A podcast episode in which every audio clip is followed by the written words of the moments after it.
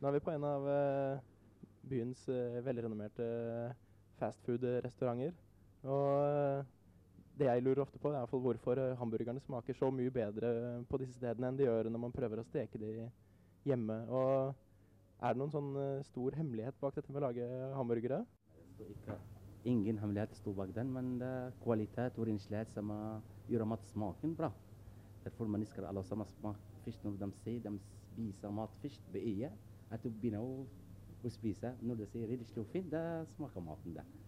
Så det er ikke noen hemmelige tilsetninger i dressingen eller noe morsomt krydder som ikke vi andre vet om? Nei, absolutt ikke, men det, vi kan si litt blanding krydder, men det er ikke så spesielt. Det kan gjøre at vi er i stor befiskeplass, i hvert fall i hele Trondheim. det.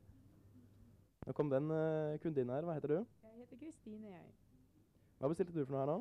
Bestilte løstekkebrød. Det, det er ikke hamburger. Nei, jeg tror ikke det. Malt kjøtt tror jeg det er på en måte, det også. Men Spiser du det hver gang du er her? nesten. Eller så blir det sesampakke.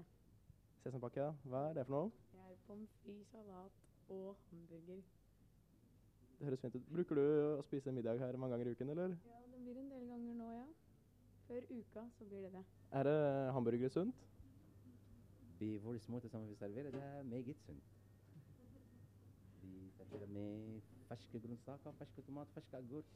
Ikke noe usunt. 100 produkt vi serverer. Så hele næringskjeden er dekket hvis man spiser en hamburger herfra. Det, er- jeg sier varsel, eller anbefaler det som vi har. Ikke hamburger som i gamle dager, bare uekte varer og sånne ting. Nei, men vi serverer med ferske varer, ferske grønnsaker og ferske tomat, ferske agurk som er satt til deg.